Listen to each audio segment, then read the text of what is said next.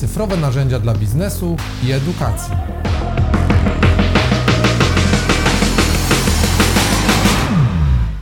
Cześć, witam Was serdecznie w nowym odcinku podcastu Cyfrowe narzędzia dla biznesu i edukacji. Dzisiaj nagrywamy odcinek razem z Marcinem, bo będziemy rozmawiali o case study, konkretnym przypadku, który właśnie Marcin wprowadził w wydawnictwie, które prowadzi, w wydawnictwie Złote Myśli.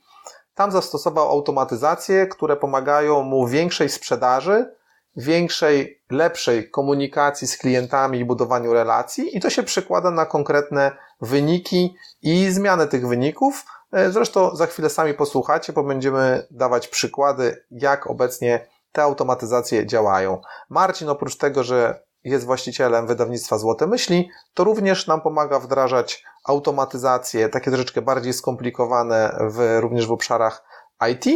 No i razem y, zajmujemy się tym tematem i stąd y, dzisiaj sobie o tym porozmawiamy. Cześć Marcin.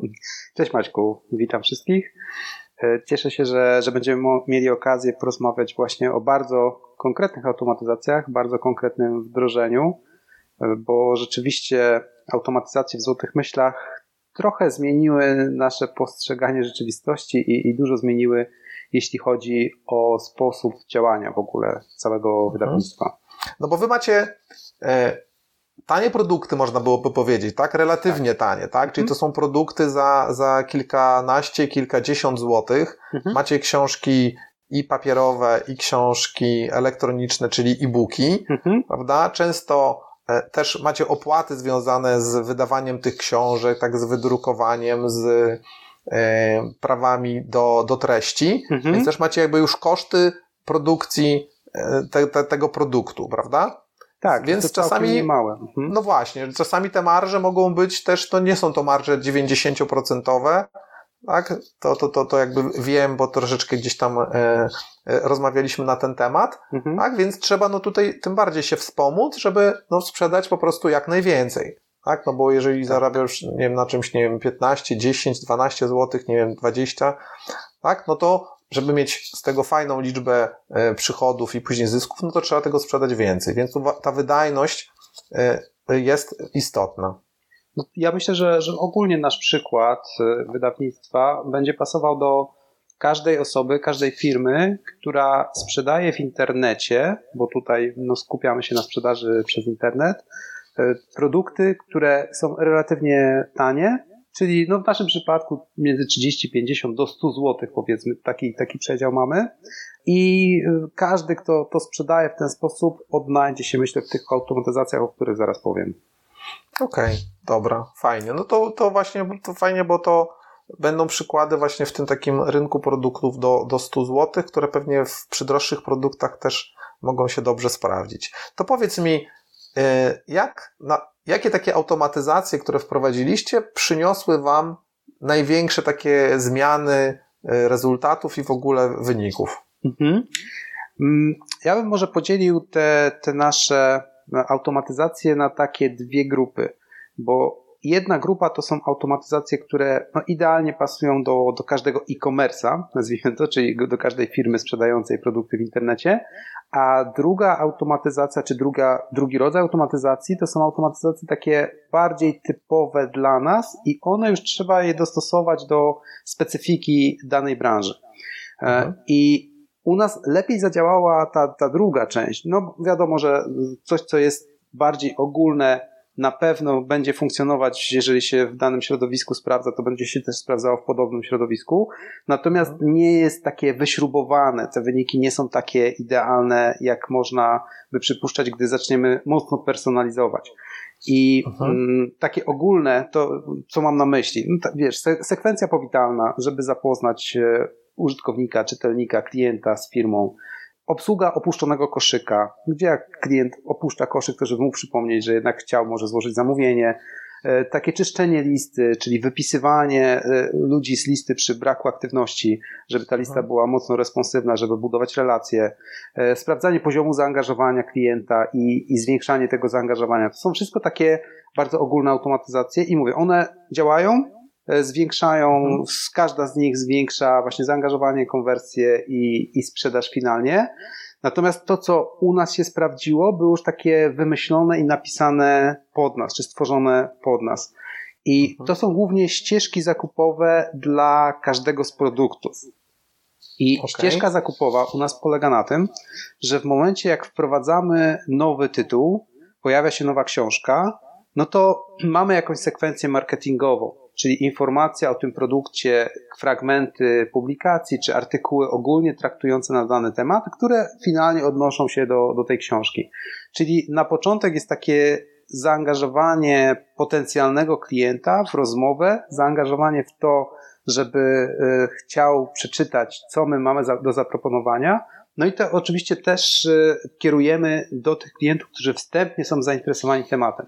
Czyli prezentujemy kilka wiadomości, kilka artykułów, y, może jakieś też y, z innych mediów, czyli mogą być jakieś zdjęcia, filmiki i tak dalej. Wszystko, co traktuje o danym produkcie. I następnie po kilku wiadomościach tego typu jest już propozycja sprzedaży, może w jakimś pakiecie i tak dalej. Tu też wyobraźnia nas tak naprawdę tylko ogranicza. Mhm. I ponieważ mówię o tym, że to jest przy wprowadzeniu nowego produktu, to, to się dzieje na żywo. Czyli pierwszy ten etap to jest, gdzie rzeczywiście produkt wchodzi na rynek. I to, w czym pomaga nam automatyzacja, to to, że my potem to odwzorujemy w Active Campaignie i w momencie, gdy w całym cyklu życia tego produktu jakikolwiek klient kliknie, wejdzie na stronę, e, wykaże zainteresowanie danym produktem, to my jakby na nowo uruchamiamy tylko dla niego całą tą sekwencję. Czyli mamy przetestowany model wprowadzania produktu na rynek i robimy to, gdy on rzeczywiście jest wprowadzany, ale potem tak jakby nagrywamy to wszystko i odtwarzamy dla konkretnego klienta, gdy on nawet rok, dwa, pięć lat później Okej. zainteresuje się tym produktem. Także sprawdzona sekwencja działań jest cały czas odtwarzana, odtwarzana, odtwarzana dla klienta, który jest zainteresowany tematem. I to, to naprawdę świetnie działa. Dobra, czyli jak rozumiem, macie na przykład tytuł książki, tak? I na początek robicie treści w koło e, tego, co się w tej książce znajduje, tak? Tak. Koło na przykład autora, albo jego właśnie tematów, które on tam porusza. I to, to jest wysyłane w mailingach, tak? Do, do Tak. całej bazy wtedy. Mhm, mhm. Mhm. I też e, robicie wtedy wpisy na blogu, tak? Możecie robić też wpisy na social media. Tak. Jeżeli jakieś osoby się tym tematem zainteresują, tak? Czyli e, zobaczycie w Active Campaign, że ten temat je interesuje, Mhm. no to danie, dalej dla nich prowadzicie tą taką sekwencję właśnie ofertową, tak? Czyli Tak. sprzedażową. Jakieś pakiety, jakieś dodatki, jakieś, jakieś bonusy. Mhm. I to fajnie działa na początku, tak jak mówię, że to jest jakby przeciera ci szlak z tym nowym tytułem. Tak. Czyli też, jak e, widzicie, macie jakieś wyniki, to też możecie to od razu poprawić, Mhm. coś ulepszyć, coś zmienić, aby później w tych sekwencjach już, kiedy ten tytuł jest na rynku i gdzieś funkcjonuje właśnie rok, dwa, odtworzyć te sekwencje automatyzacji już dla, dla dowolnych klientów, które, które się tym tematem zainteresują. Okej. Tak, i wiesz, to jest piękne w automatyzacjach, że je można poprawiać cały czas. Czyli nie trzeba być Mhm. perfekcyjnym na początku. My oczywiście staramy się jak najlepiej i puszczamy taką sekwencję. I tak jak mówisz, możemy ją poprawiać na bieżąco, ale możemy ją też poprawić po roku. Często tak się zdarza, Okej. że y, pojawiają się albo nowe pomysły, albo nowe materiały, albo mamy nowy artykuł na, na podobny temat i my wtedy dodajemy to do, do aktualnej sekwencji. Czyli Mhm. taka minimalna wersja, jeżeli ktoś chciałby sobie wdrożyć taką automatyzację, to u nas minimalna wersja jest taka, że jeżeli klient zainteresuje się produktem, czyli jest na przykład na stronie produktu, ale nie kupił, to wtedy prezentujemy mu y, trzy artykuły na dany temat. Tam w odległości jednego, dwóch dni, trzy artykuły Mhm. y, z jednej strony, z drugiej strony opowiadające o temacie. Potem następuje y, sprzedaż, czyli propozycja sprzedaży, i za chwilę następna propozycja sprzedaży w jakiejś bardziej może atrakcyjnej wersji, w sensie w pakiecie i tak dalej. Czyli mamy e, trzy razy nie sprzedajemy, tylko opowiadamy Mhm. i dwa razy sprzedajemy. I to jest taka podstawa.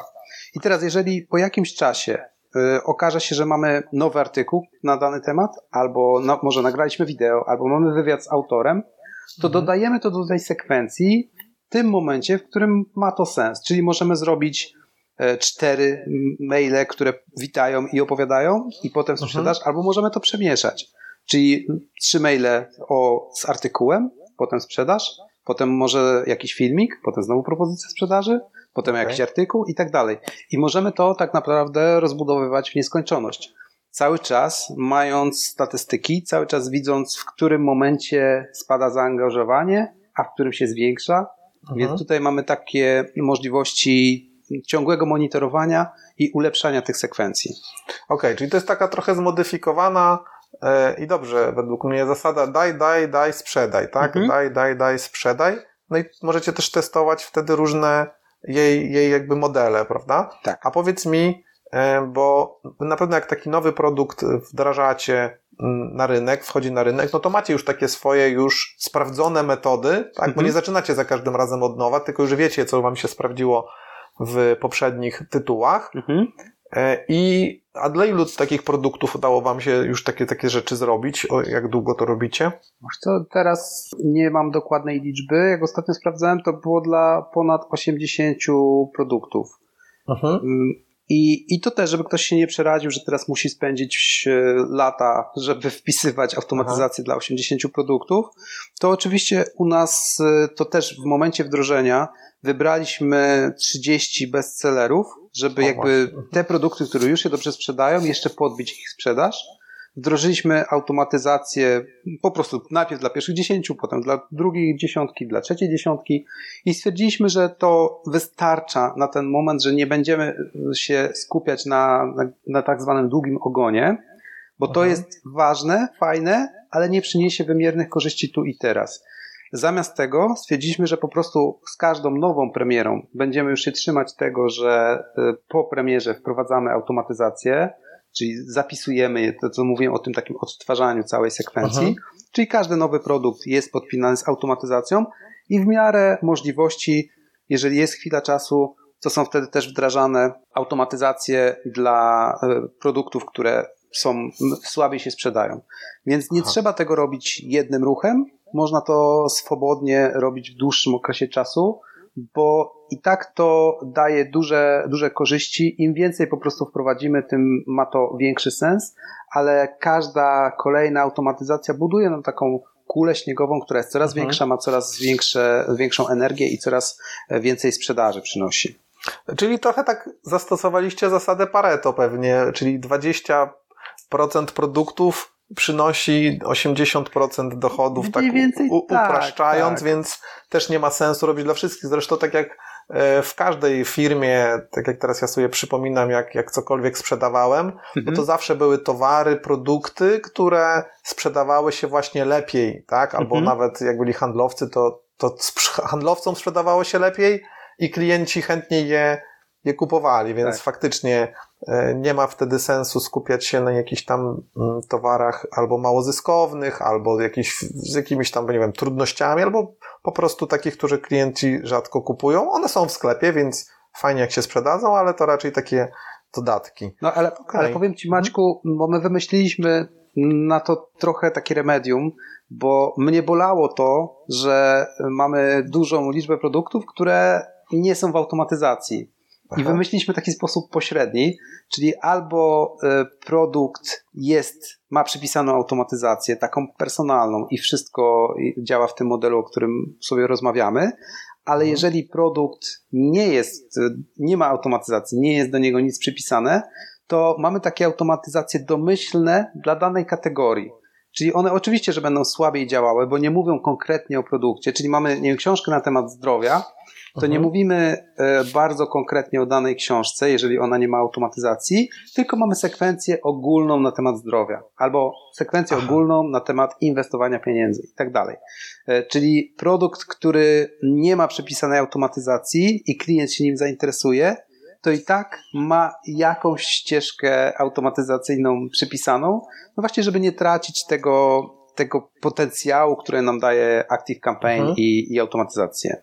Okej, okay, czyli macie automatyzację i dla konkretnych produktów, takie te dopasowane, do nich spersonalizowane i -hmm. też na poziomie kategorii. -hmm. tak? No i pewnie też, tak jak powiedziałeś na początku, taką ogólną, mówiącą o, o firmie, tak, o tym w ogóle, -hmm. te, te takie ogólne automatyzacje. No to I, fajnie, jeszcze, jeszcze chciałem powiedzieć, że to też e, myślę, że jest e, dobra wskazówka dla, dla osób, które wdrażają automatyzację i które słuchają teraz tego podcastu, żeby coś wzięły dla siebie to jest to, że w momencie, gdy klient u nas wchodzi na automatyzację odnośnie danego produktu czy danej kategorii, to blokowane jest mu wysyłanie innych mailingów.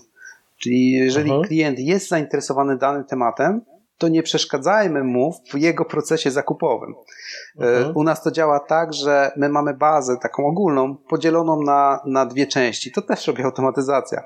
Czyli mhm. jedna część to są potencjalni klienci, którzy nic jeszcze u nas nie kupili. Druga część to są klienci, którzy już kupili u nas cokolwiek. Tak wiadomo, że oni się różnią e, tym, jak się zachowują i, i co im możemy zaoferować, ale w momencie, mhm. gdy obojętnie czy z jednej grupy, czy z drugiej klient interesuje się produktem X, to my go wypisujemy z tych automatyzacji bardzo ogólnych. Nie dostanie maila, hej, mamy teraz promocję jakąś, albo zapraszamy cię na webinar, albo mamy dla ciebie e, darmowe nagranie. Tego, nie dostaje, bo on mhm. jest wtedy w sekwencji z danego produktu.